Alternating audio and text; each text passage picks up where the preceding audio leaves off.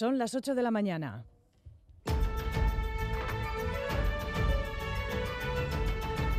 Crónica de Euskadi con Aichiber Bilbao. Egunon, Gustio y Donostia era una ciudad de cine hace ya varias jornadas, pero ayer arrancó la edición 71 de Cinema al Día, la edición donde un documental de un exmiembro de ETA ha ocupado casi más minutos que su largometraje, en la que la huelga de actores y guionistas de Hollywood quizá baje el amperaje de las estrellas, pero que, una vez más, hace de San Sebastián una de las citas del séptimo arte con muchas ganas. Sé que no va a venir mucha gente de Hollywood por la huelga, tampoco hace falta. Es que hay tantas al final que no sabes cuál elegir. Si a alguien le gusta de verdad el cine, este es el sitio para venir. Super gojo quién es que está con este Titanic.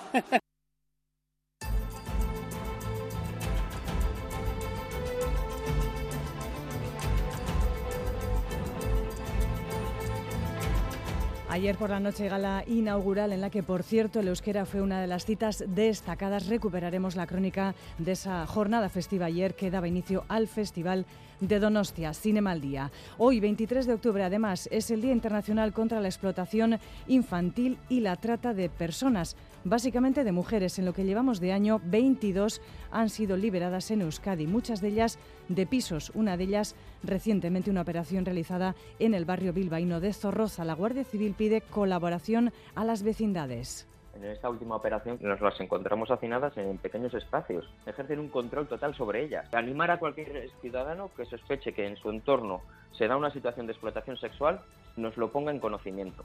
Y ha sido una reclamación recurrente por parte de las y los demandantes de vivienda protegida, más aún cuando la inflación aprieta.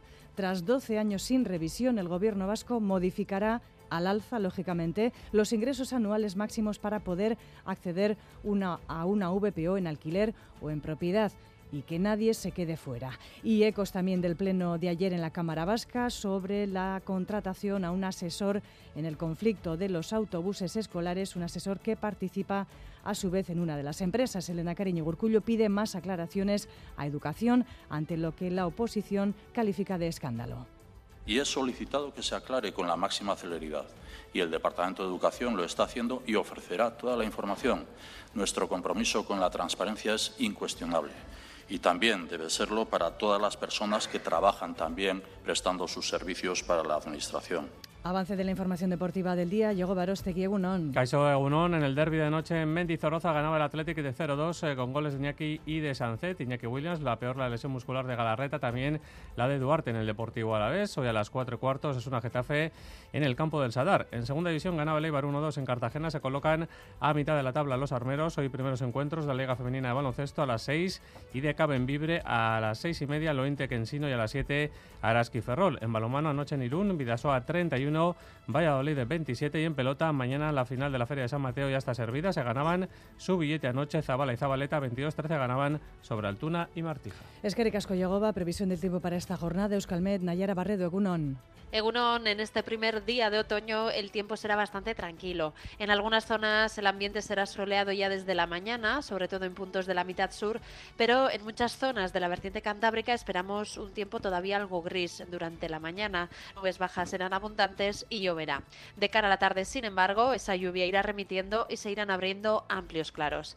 Las temperaturas máximas con esta situación podrían subir un poco respecto a las de ayer, pero todavía nos quedaremos en valores cercanos a los 20 grados. Por lo tanto, en puntos de la vertiente cantábrica lloverá durante la mañana, con cielos más despejados en el sur, pero de cara a la tarde el ambiente soleado irá predominando en todas las zonas. En cuanto al tráfico, se informa el Departamento de Seguridad, precaución en la AP8 a la altura del peaje de Oyarzun, dirección Rentería, ya que ha tenido lugar allí un accidente sin heridos, pero hay un vehículo obstaculizando la carretera. También se pide precaución en la red viaria debido a la lluvia. Reciban un saludo de la redacción de esta crónica de Euskadi fin de semana, que en el control técnico coordinan Jorge Ibáñez y Aitor Arrizabalaga. Son las 8 y 4. Comenzamos. Crónica de Euskadi con Aichiber Bilbao.